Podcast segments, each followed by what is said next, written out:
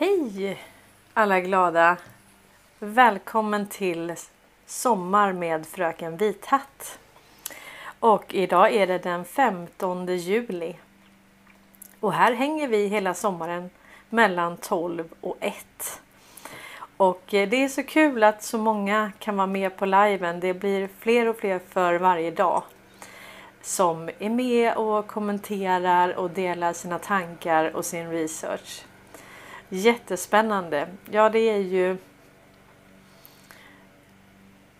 Det är mycket som händer nu och det trappas upp. Och det är skrämsel. Skrämsel. Nu ska vi vara rädda, hörni. Jätterädda. Eh, så att jag ska visa lite saker som vi ska vara rädda för enligt mainstream media och eh, det den officiella versionen av narrativet.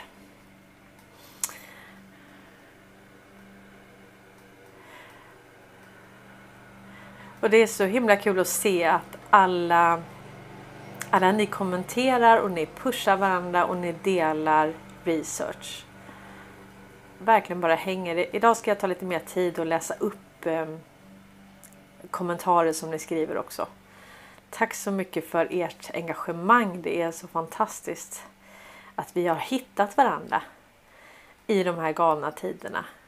Och att vi kan försöka vända och vrida på saker. Och på så vis komma lite närmare det vi tror är sanningen.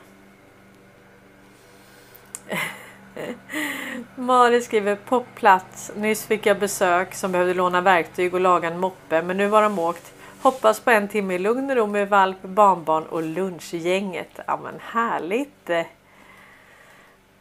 Vi har Norge med oss också. Nej, det är Lilian Trollje. Det här är Lilian Nylund. Hej alla, stort tack! Ja, nu kör vi. Nu har vi inte tid med det här. Det är så mycket som händer. Och nu har vi sett ryska ubåtar vid nära Sveriges kust. Och de åker och visar upp sig som någon form av maktprov. Ni hör att det går eh, gräsklippar och sånt här utanför. Så är det ju. Man får passa på när det inte regnar. Eh, eller när, att det inte är värmeböljor som i resten av världen enligt eh, Rockström. Jag gick ju faktiskt i eh, samma klass som Johan Rockströms eh, dotter. Nej, det gjorde jag inte. Jag gick i parallellklass, men vi umgicks. nu ska vi se här. Ska vi lyssna på vad de säger.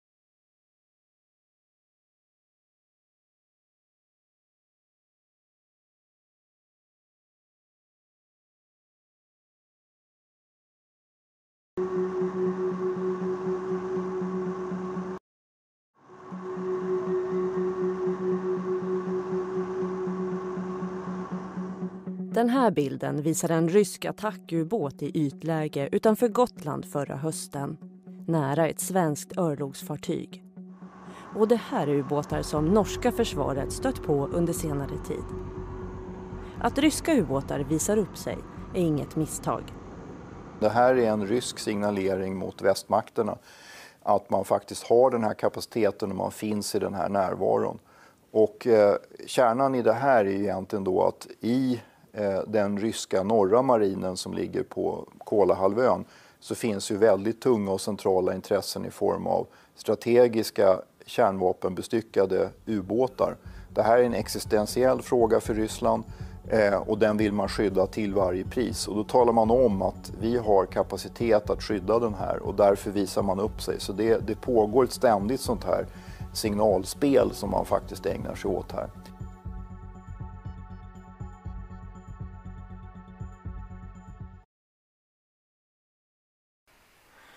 Ja, här är det är ett maktprov liksom. Och eh, Joe Biden nu, eh, han... Eh, eh det är 3000 soldater som han mobiliserar för att skicka då till Europa.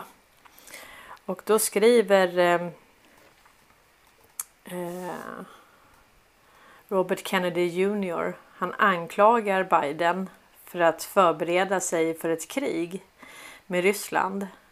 Biden har precis kallat upp 3000 reservister för att förstärka Amerikas trupper i Europa.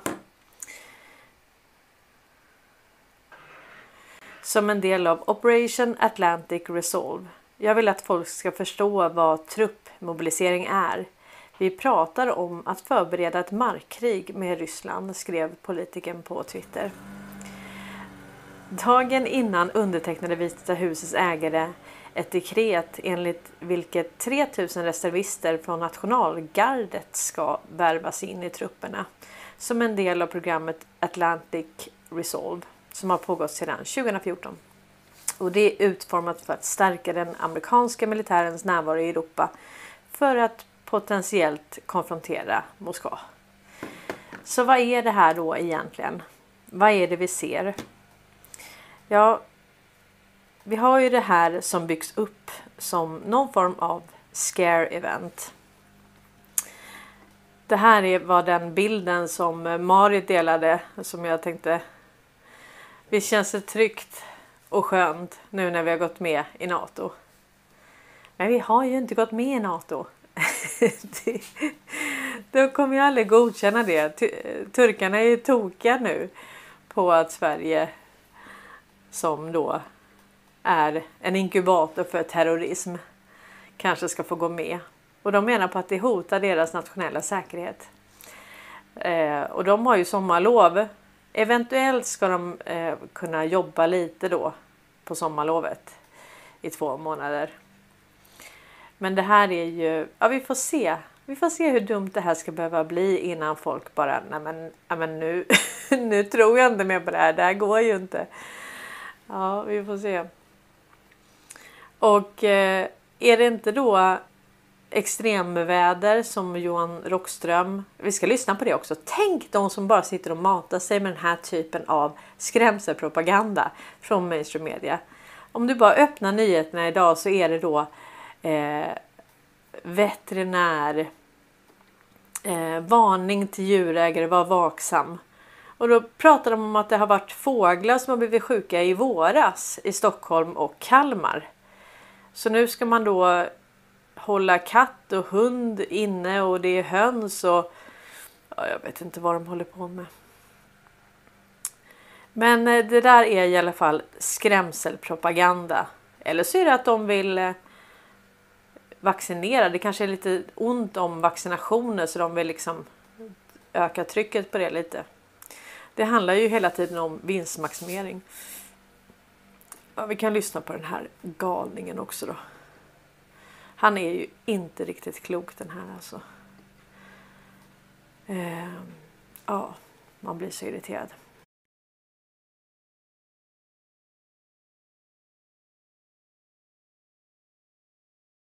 Den globala uppvärmningen i kombination med naturliga förändringar i klimatet ligger bakom de extremväder såsom värmeböljor och översvämningar som just nu sker på olika håll i världen. Det menar Johan Rockström, professor i miljövetenskap och chef för Potsdam-institutet i Tyskland. Betyder att vi är mitt inne i en global klimatkris som vi människor har orsakat och som dessutom förstärks när vi får naturlig variation som den super-El Niño som vi nu är inne i. El Niño-händelser som är helt naturliga på jorden men det här förstärks av den globala uppvärmningen som vi orsakar. Varje grad av global uppvärmning leder till ett allt mer opolitligt vädersystem och orsakar allt mer extrema väder. Och redan dagens globala medeltemperatur verkar leda till allt snabbare förändringar i klimatet än vad forskare som Johan Rockström tidigare trott. Det blir ju en, en varningsklocka för en, en trendlinje som till och med vi inom klimatforskningen har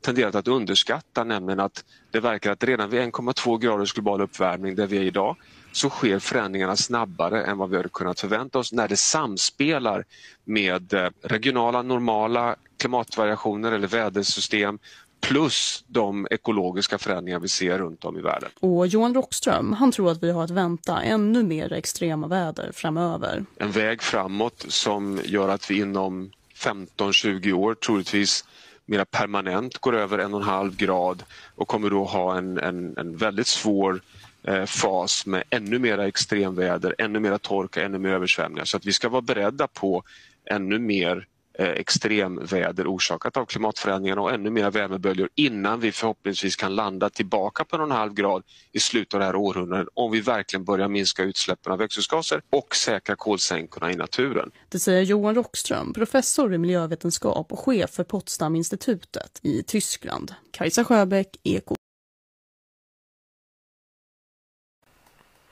Ja, ni, är, ni är bara bäst alltså. Jag måste ta upp lite kommentarer här. Jag blir så full i skratt alltså. Eh, ni är så fantastiska. Det var någon som hade sett, eh, vad var den kommentaren om eh, Martin Stensös eh, ryska spionsäl det är den som ligger och lurar vid hans båt ni vet och avlyssnar honom hela tiden. Det är ju... ja, det är så... Nej, den här Johan eh, eh Rockström. Anette skriver stäng av SVT SR det sprider bara negativ energi. Ja, men det här är verkligen när jag lyssnar på Johan Rockström här så är det alltså helt. Eh, det skrämmer människor. Och det är inte ens sant. Vad är liksom agendan här? Eh, vad är agendan här?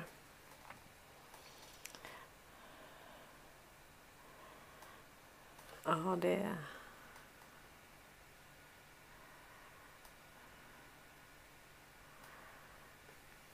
extremväder ett rejält narrativ som Rockström levererar. Ja, det, han kör hårt. Men samtidigt har vi ju nu eh, Greta. Det här spelade ju Frans och Ståhl upp i det senaste avsnittet de gjorde. Och då hade de ett klipp med Greta Thunberg.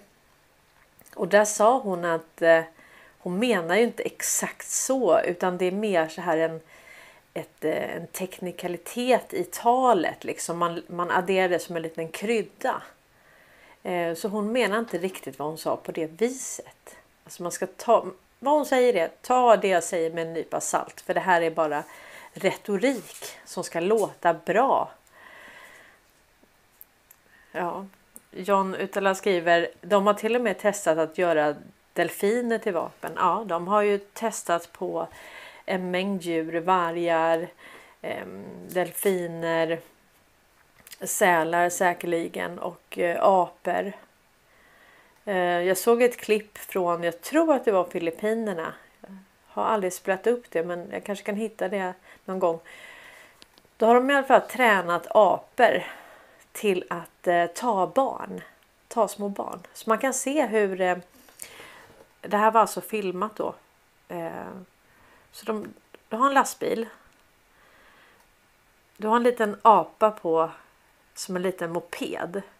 Jag, jag fattar, det låter helt sjukt. Jag förstår det. Och sen så åker den här och sen bara drar den med sig barnet. Tjoff! Och det går blixtsnabbt. Nu är det så att den här apan tappar barnet. Eh, och då hinner storebror komma men alltså fatta om man till och med har tränat apor. Alltså vem ska man sätta i fängelse? Det är liksom. Det är så smart va? Hur man kan träna djur till eh, allt möjligt. Eh, så att det du ska vara rädd för nu det är extremväder och eh, fågelinfluensan. Och sen ska du vara rädd för ryska ubåtar. ja, Det har faktiskt spridit sig i amerikanska medier att man tror att eh, Joe Biden har blivit utpressad. Och eh, det handlar ju om hållhagsbusiness. Det här har vi pratat om jättemånga gånger. Det här med Epstein Island och så. Du har ju pengarna på toppen. Och sen utnyttjar man då människor. Som man på olika vis utnyttjar för att verkställa. Och, och de kan ha riktigt sjuka eh, tankar och eh, vara riktigt sjuka i huvudet så att säga.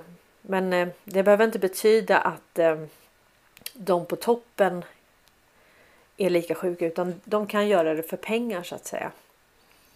Eh, och eh, det är klart att om du har tagit emot massa pengar, om du har visat då att du har en karaktär som eh, är riktigt, riktigt dålig. Du är väldigt sugen på pengar och du är beredd att gå hur långt som helst för det. Eller du eh, har liksom en eh, du gillar barn eller du gillar knark eller du gillar spel eller du gillar eh, att vara otrogen. Någonting som de kan få på dig som en hållhake. Någonting är liksom bajsing med dig. Och då utnyttjas det. Och tänk då att vi har eh, den djupa staten med Wallenberg i spetsen som har kontrollerat telekominfrastrukturen som kontrollerar eh, internet, våra mobiler, de ser direkt om du går in och försöker titta på porr eller spel. Eller, de ser precis vad dina svagheter är. Och sen använder de det till sin egen fördel. Så kan det vara. Så att vi ska jag ska spela upp det här med. De har då kommit på nu att de tror faktiskt att eh, eh, Joe Biden har blivit utpressad. Kan det vara så? Kan det vara så? Ja, så kan det kanske vara.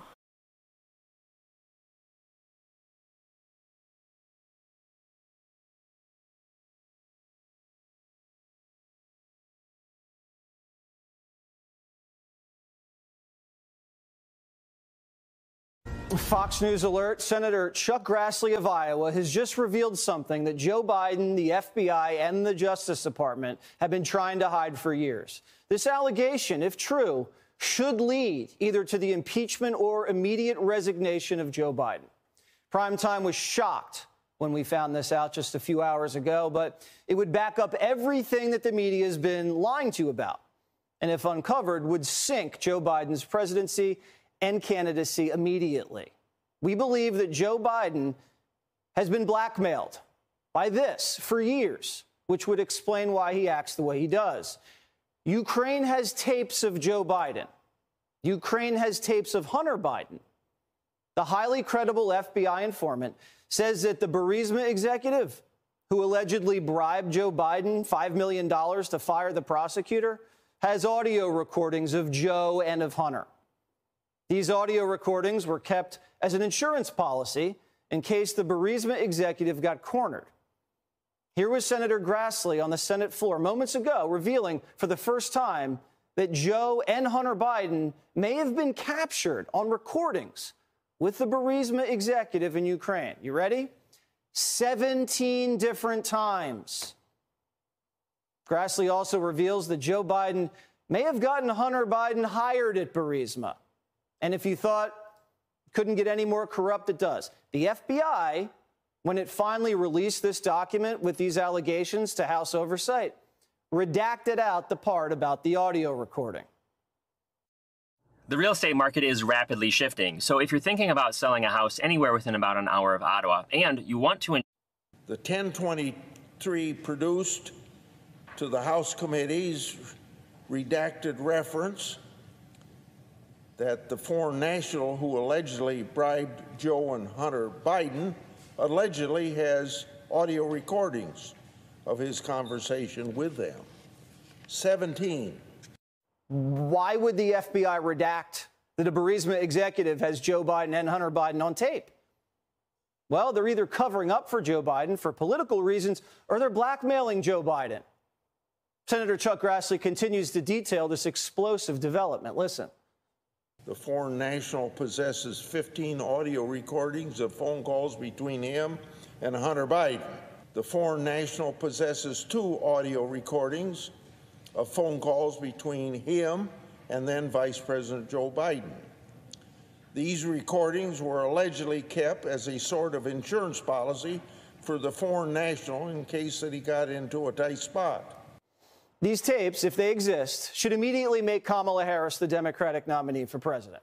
There is no way Joe Biden can continue his candidacy or presidency once these tapes are released. In addition, Grassley says Joe Biden was instrumental in getting Hunter the job at Burisma. The 1023 also indicates that then Vice President Joe Biden may have been involved in Burisma employing Hunter Biden. These revelations, if verified, prove Joe Biden's lied repeatedly to the American people and to the American press. Joe Biden has repeatedly stated that he has no idea what his son was doing in Ukraine. He had no idea what his son did for a living, and he never talked to his son about business, and that he never dealt directly with Burisma or fired the prosecutor investigating Burisma for $5 million. Remember, Donald Trump was impeached for zeroing in on this scandal. And we're now learning that Donald Trump may have been right the whole time. And that Joe Biden and the media and the FBI sat back and watched Donald Trump get impeached for fingering a guilty man, for putting his finger on the disgusting corruption that the Biden family was involved in when he was vice president. And isn't it amazing that years after these tapes were made, Ukraine is at war on Joe Biden's watch? And billions and billions of dollars are pouring from our treasury into Ukraine unaccounted for. When Donald Trump's phone call with the Ukrainian president blew up, what did you hear from the left? Release the transcript. Well, now primetime is calling on the Biden administration, the FBI, and the Department of Justice release the tapes. Isn't it interesting that the Department of Justice leaked Donald Trump on tape talking about a document he had? But they sit on 17 tapes of Joe and Hunter wheeling and dealing with the corrupt Burisma executive in Ukraine, which has been at the center of an impeachment and at the center of American defense policy. Is the cover up about money?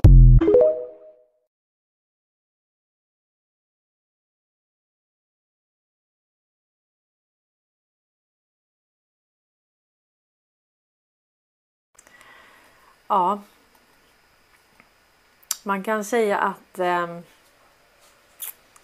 det finns nog väldigt mycket avlyssningar.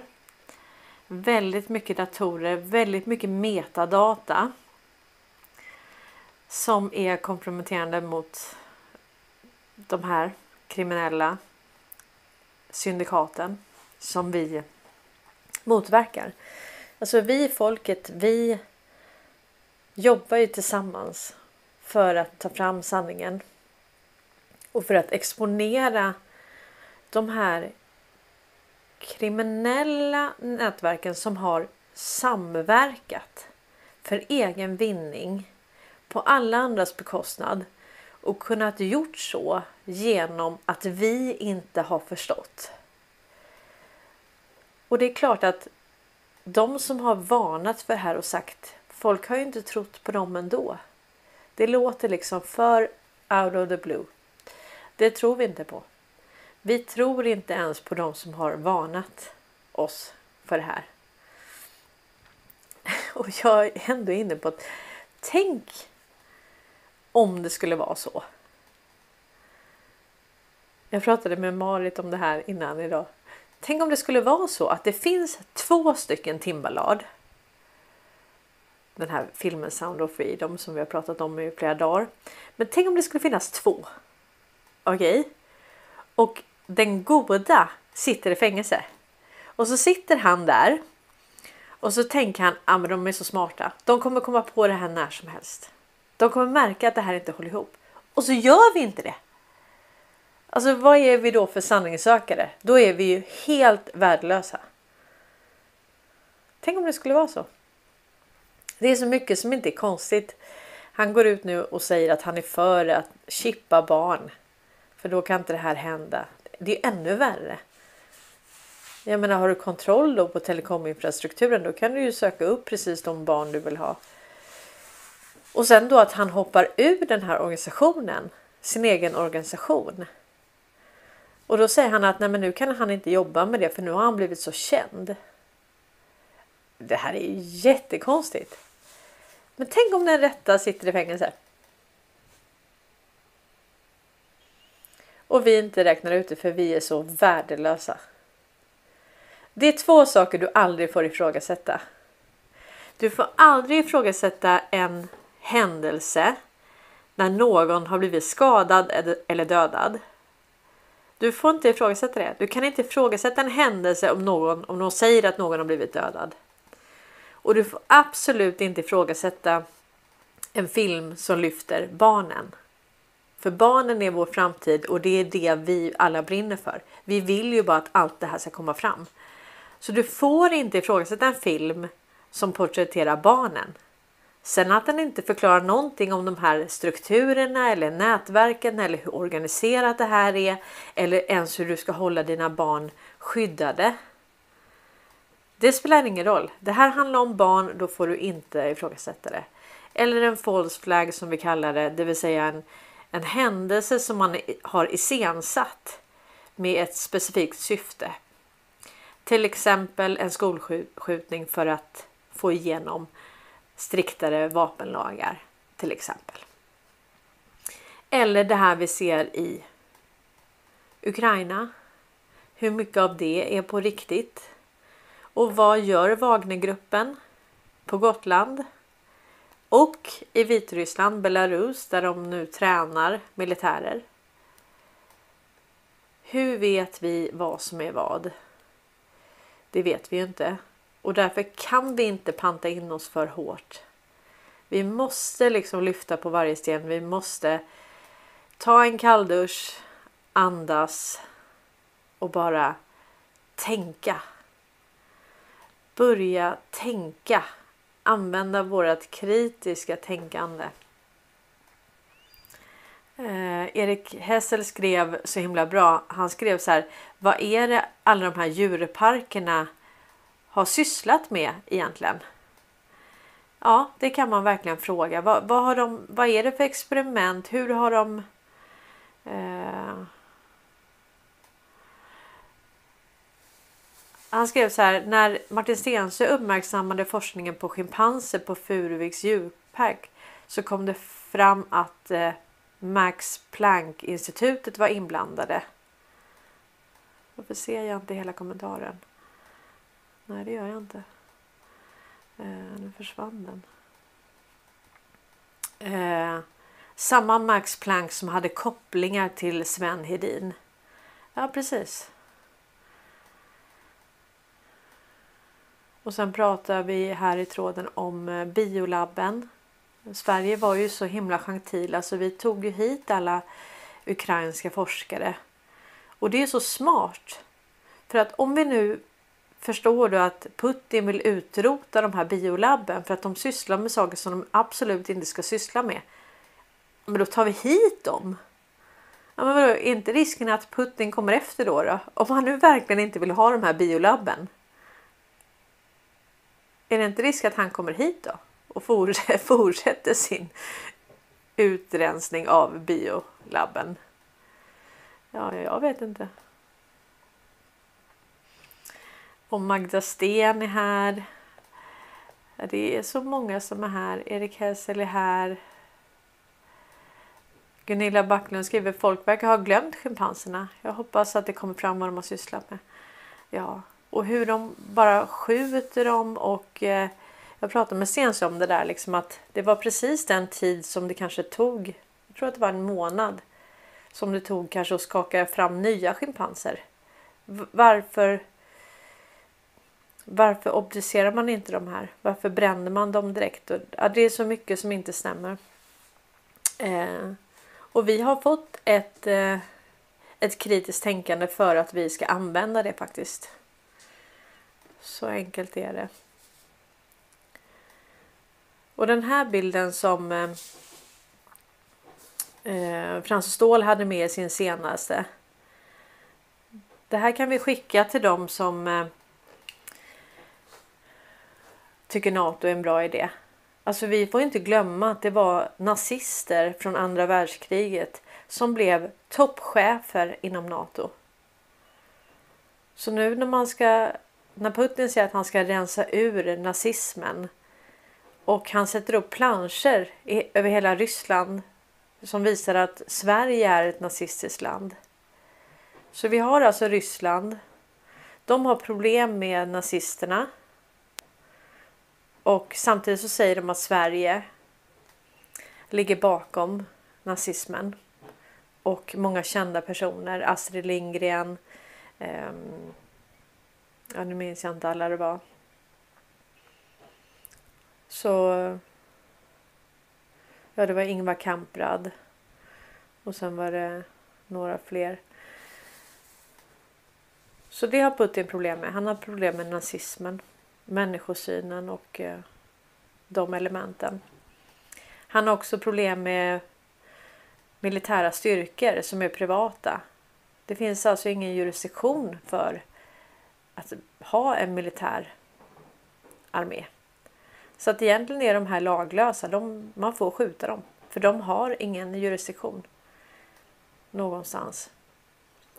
Och, ehm, och sen har Putin också problem med biolabben. Och de plockar vi tillbaka till Sverige. Eller från, vi plockar dem från Ukraina till Sverige. Det är ändå... Om man inte har retat björnen tidigare så kan det ju kanske tänkas att björnen blir sådär lite, lite halvt uppretad. Eh, och tanken är att vi ska se och förstå. Eh, Martin Stensö skriver så här. Gå gärna in och följ honom, hans kanal. Då skriver han så här. Tänk om finansiering av fundamentalistisk islam kommer från Sverige och nu ska brytas globalt. Då är det plötsligt inte så konstigt med koranbränningarna. Nej. Vi vet ju till exempel i Saudiarabien hur man har sekulariserat. Helt plötsligt får eh, kvinnor köra bil.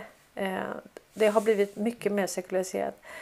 Och det är likadant det vi tror att Erdogan håller på med, det spel som han håller på med. Det handlar om att fånga upp de som är extrema muslimer och sen fånga dem, vinna deras förtroende och sen sakta men säkert sekularisera mer och mer och mer. Det är ju smart. Först vinna deras förtroende och sen börja bearbeta och plocka ner de här elementen. Nu ska vi se. Och vi pratade ju då om att Trump sa att framtiden tillhör inte globalister. Utan det tillhör patrioter som älskar sitt land. Han säger också i det här talet inför FN att om man vill ha fred i sitt land, då ska man värna om sitt eget land. Och han säger att smarta ledare sätter alltid sitt land i första rummet. Och det är någonting som svenska politiker eller ledare om vi nu kallar dem för det. Sverige är ju kärnan i det vi kallar för djupa staten. Alltså de här företagsintressena som samverkar hela tiden för egen vinning på alla andras bekostnad och genom att vi vi inte förstår och vi har blivit alldeles för godtrogna. Alldeles för naiva. Eh. Och som om det här inte vore nog så drar EU Sverige inför domstol. Här är ännu en gång som Sverige bara inte bryr sig om EUs lag. Samma sak har vi pratat om när det gäller elen. Då ska ju 70% av rören var liksom tillgängliga för export. Och det där bryter Sverige mot varje dag. Och det är väl så att vi har ju alla dessa serverhallar i Sverige så vi, vi kan väl inte bara skicka eh, på export hur som helst. Och det är väl så att man bryter mot det för att man, man har inte ens tagit EU på allvar. För har man själv varit med och startat EU då, är, då gäller ju de här reglerna inte för oss eller för oss, för Sverige. Det gäller inte för Wallenberg, de här reglerna. Liksom, vadå, tror man att de ska kunna komma här och säga till oss när vi är liksom... Förstår ni inte vilken hand som föder er?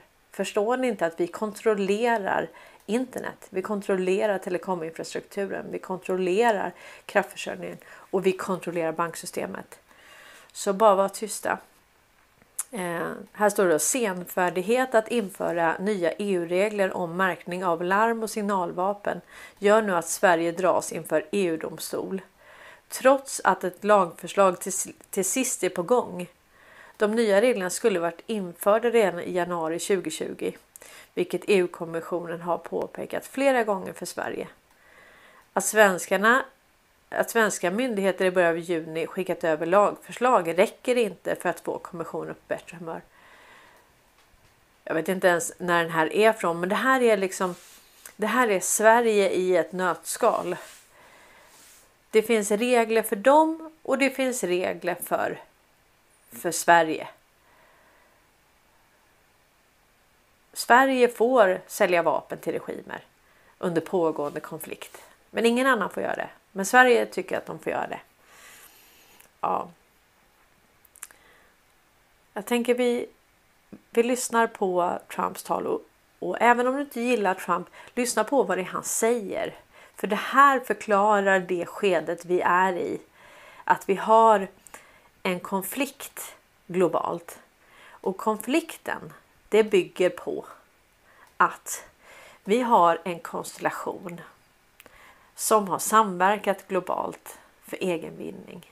Och sen har vi folket. Vi har länder som vill bryta sig loss. Vi har nu BRICS som består av minst 77% av jordens BNP som dumpar dollarn. Och dollarn är den valuta där 90% av all världshandel har skett i. Så vi har ett skifte och skiftet handlar om det vi kallar för den djupa staten och folket. Individuella länder. Så det här är, det här är viktiga grejer.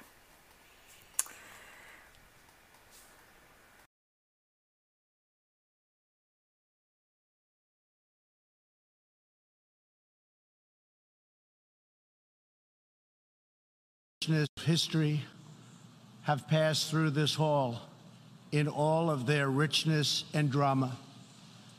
Where I stand, the world has heard from presidents and premiers at the height of the Cold War. We have seen the foundation of nations. We have seen the ringleaders of revolution. We have beheld saints who inspired us with hope, rebels who stirred us with passion, and heroes who embolden us with courage. All here to share plans, proposals, visions, and ideas on the world's biggest stage. Like those who met us before, our time is one of great contests, high stakes, and clear choices. The essential divide that runs all around the world and throughout history is once again thrown into stark relief. It is the divide between those whose thirst for control deludes them into thinking they are destined to rule over others and those people and nations who want only to rule themselves. I have the immense privilege of addressing you today as the elected leader of a nation that prizes liberty, independence, and self government above all. The United States, after having spent over $2.5 trillion since my election to completely rebuild our great military, is also by far the world's most powerful nation. Hopefully, it will never have to use this power. Americans know that in a world where others seek conquest and domination, our nation must be strong in wealth, in might, and in spirit. That is why the United States vigorously defends the traditions and customs that have made us who we are. Like my beloved country, each nation represented in this hall has a cherished history culture, and heritage that is worth defending and celebrating, and which gives us our singular potential and strength. The free world must embrace its national foundations. It must not attempt to erase them or replace them. Looking around and all over this large, magnificent planet, the truth is plain to see. If you want freedom, take pride in your country. If you want democracy, hold on to your sovereignty. And if you want peace, love your nation. Wise leaders always put the good of their own people and their own country first. The future does not belong to globalists. The future belongs to patriots. The future belongs to sovereign and independent nations who protect their citizens, respect their neighbors, and honor the differences that make each country special and unique.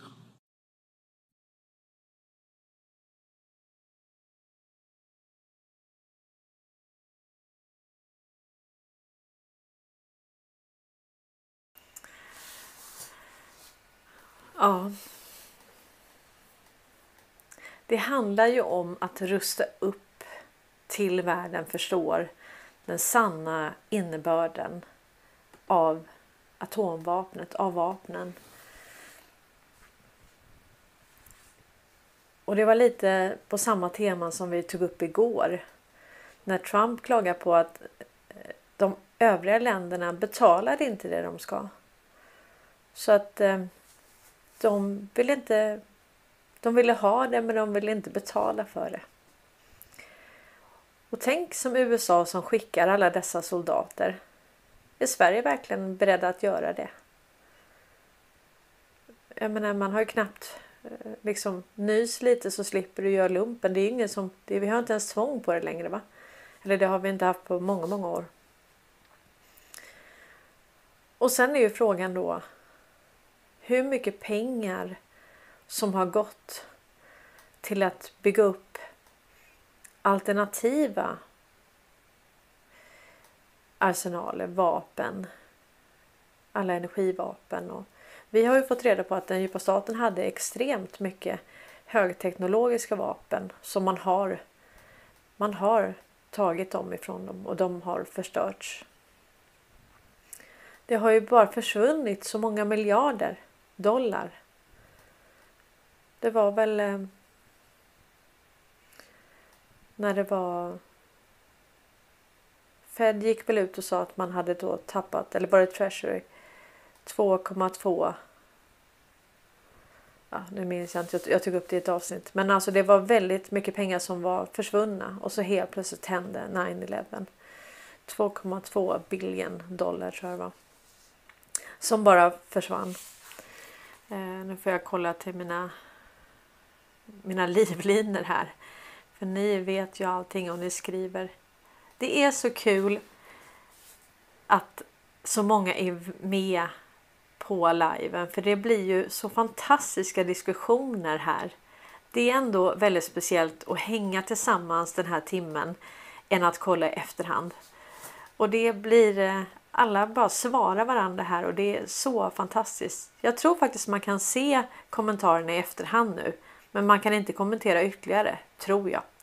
Ja, det där, och jag har inte ens hittat någon inställning så det är inte tack vare mig som man kan se kommentarerna utan det är um, mm, Det är någonting annat.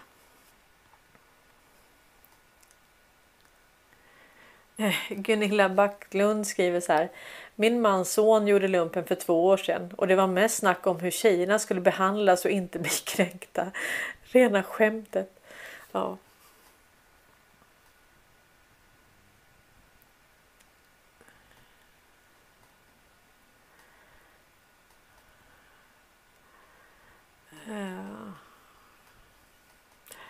Ja, det är jättefina kommentarer här. Vi får...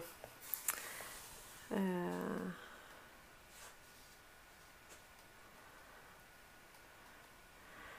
Anders B skriver falskt narrativ finns på alla områden. Egypten, människans evolution med mera. Ja, det är verkligen så. Uh.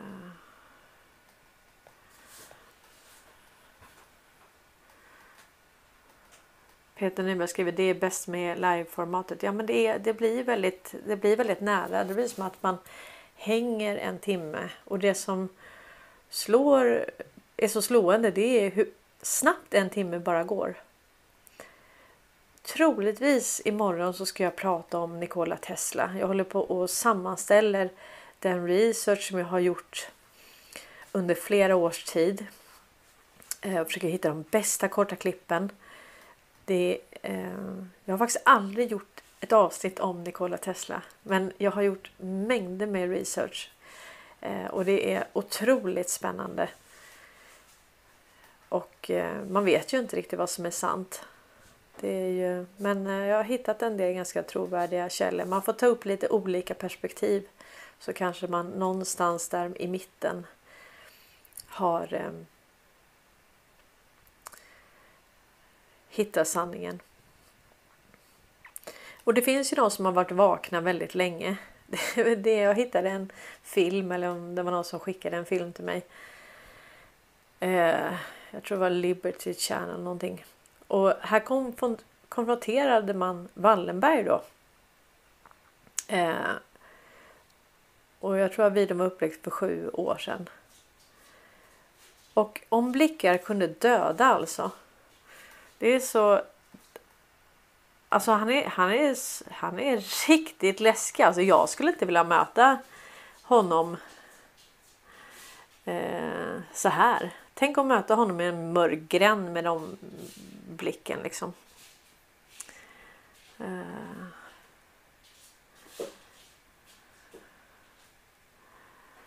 Nej, jag bara spelar så här, det behöver inte ens vara ljud för man hör knappt vad han säger. Men han, han är... Han är... Han är riktigt läskig alltså. Han har ingenting att säga om bildbemötet. Och så frågar han då, är du, är du nöjd med Stefan Löfven? Nej, det vill han inte svara på. Alltså det här är Sveriges skuggregering hörni. Det här är, det här är de riktiga representanterna för Sverige. Allt annat är bara... De har ingen makt alls. Titta nu på den här blicken. Shit vilken isig blick alltså.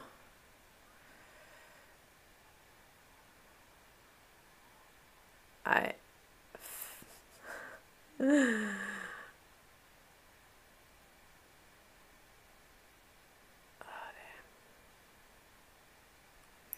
Så lurig, han vet precis liksom. Han vet precis. Vi kan ta ljud bara precis på den här.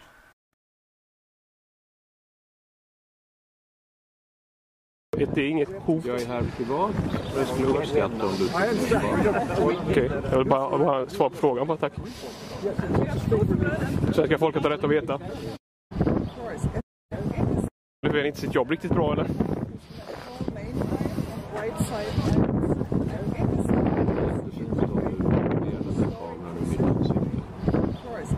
Det är bara en enkel fråga om Stefan Löfven bara. Så kan jag gå min väg. Vad tycker du han gör ett bra jobb eller ett dåligt jobb som statsminister? Nej, jag kan gå, jag kan gå i vilket fall. Jag hotar.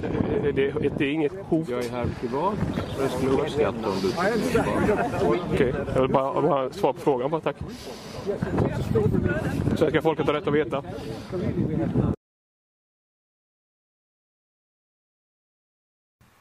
Jag ryser alltså. Jag ryser. Alltså han vet precis.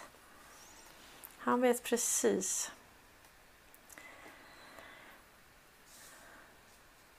Det lustiga är att sen när man vaknar upp och förstår det här då är det som att allting bara faller på plats. Och så tänker man så här. Hur naiv har jag egentligen varit? Och jag då som har jobbat med, eh, med börsen och liksom varit med i Aktiespararna och analytiker och bolagsbevakare. Och det är klart att eh, alla känner till Wallenberg. Det var liksom att om du ville ha en bra placering då skulle du investera i eh, något av Wallenbergs bolag. Helt enkelt. Bra investering, då ska du investera i Wallenbergs bolag. Det visste alla liksom. Det kunde inte misslyckas. Men nu var det väl deras eh, jeansbolag, jag tror att det hette jeansbolaget. Eh, tänk när Wallenbergs bolag börjar gå i konkurs. Och vi börjar verkligen se att eh, deras finansiering är strypt. Det som vi ser med George Soros nu när 40 procent av eh, de anställda.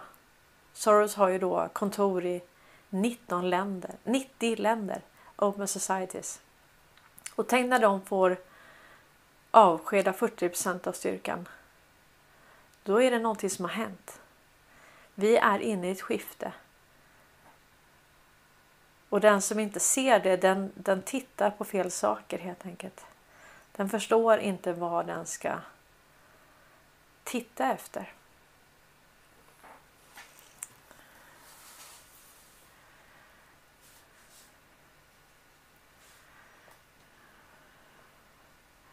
Precis. Eloya skriver intressant hur mycket av Teslas uppfinningar som stoppats av ekonomiska skäl för andras vinning. Sånt som kunde ha hjälpt den lilla människan. Ja, lilla människan, men kunna hjälpa mänskligheten. Jag förstår vad du menar med lilla människan. Men jag tycker också det är väldigt, väldigt noga att eh, vi inte pratar liksom. Eh, nu pratade du om dig själv så det var inte så, men det är väldigt viktigt att eh, eh att vi inte pratar så här får och eh, normis och, och liksom eh, sovande. Jag tycker det är väldigt bra att vi försöker få med oss folk nu. Vi har liksom ingen glädje av att skriva någon på näsan för att vi har faktiskt alla vi har gått igenom samma process och vaknat upp eh, och förstått mer och mer. Och för varje dag så förstår vi mer och mer. Och det är därför det här communityt som vi har tillsammans här. Eh, det gör ju att vi blir så mycket smartare tillsammans när vi delar research med varandra och vi diskuterar och vi får lov att yttra våra tankar, åsikter och vi får bolla det mot andra eh, så blir vi klokare. Vi slår våra kloka huvuden ihop och sen så blir vi mycket smartare när vi kommer ut på andra sidan. När man får liksom lite och här får du kvalitativt mothugg. Du får ju mothugg från människor som är tänkande. Människor med, med ett kritiskt tänkande. Kritiskt och logiskt tänkande. Och då blir vi så himla mycket smartare. Och just det här, alla de som håller på och försvarar saker, försvarar ett narrativ. Vad håller de på med? Varför då? Jag fattar inte det. Alltså då måste man ju ha någon form av intressen. Eller liksom varför pantar man in sig så hårt i ett narrativ eh, som man inte ens har en aning om? Det, det fattar jag inte. Eh, det är ju mycket desinformation nu. Och hela tiden så mäter man ju det här folkbildningsprojektet. Vad är viktigt för oss? Är det liksom en ny lyktstolpe som vi går runt, runt, runt? Eller är det att vi verkligen fortsätter söka efter sanningen? Är, är sanningen viktig för oss? Eller är det att snabbt komma fram till en slutsats som vi tror är rätt och sen försvara den in till döden? Är det, är det så vi ska gå tillväga?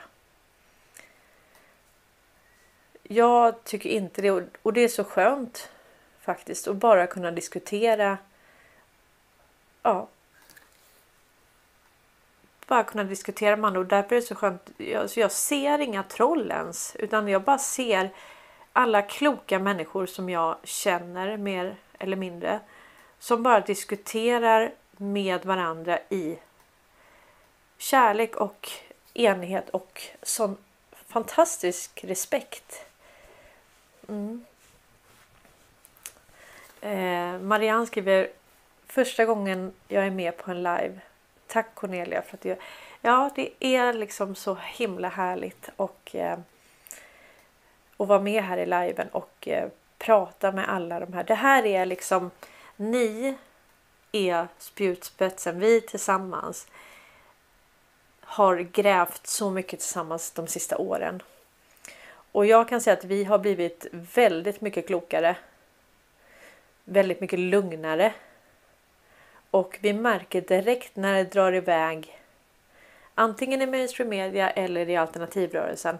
Så drar det iväg med ett narrativ och liksom bara, det blir sånt känslopåslag och du ska bara tycka det och ifrågasätter du det då är du helt galen, dum i huvudet och, och så blir det hätska toner.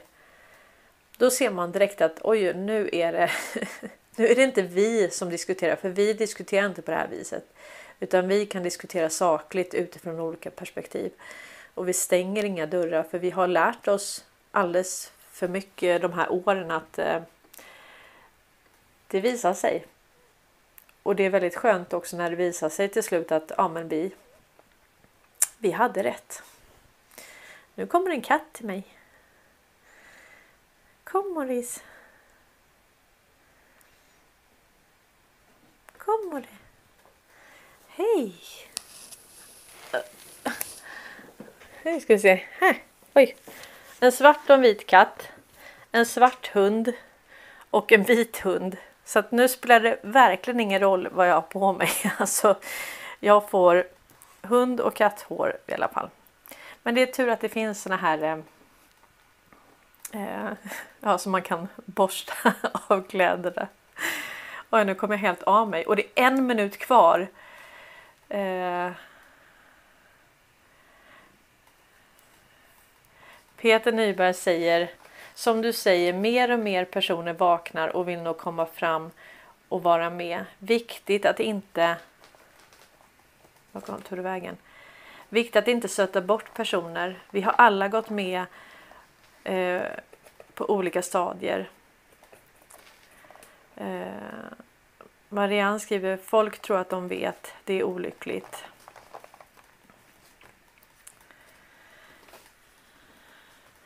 Gudridur Olofsdottir, så vackert namn.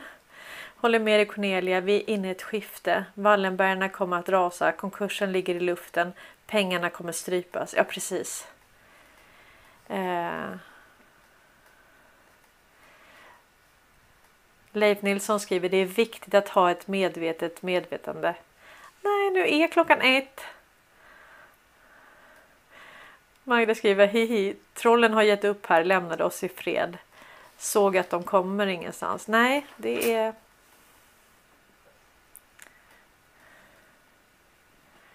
Eh... Anita skriver Percy Barnevik sa typ att den stora faran är Ryssland. Eh...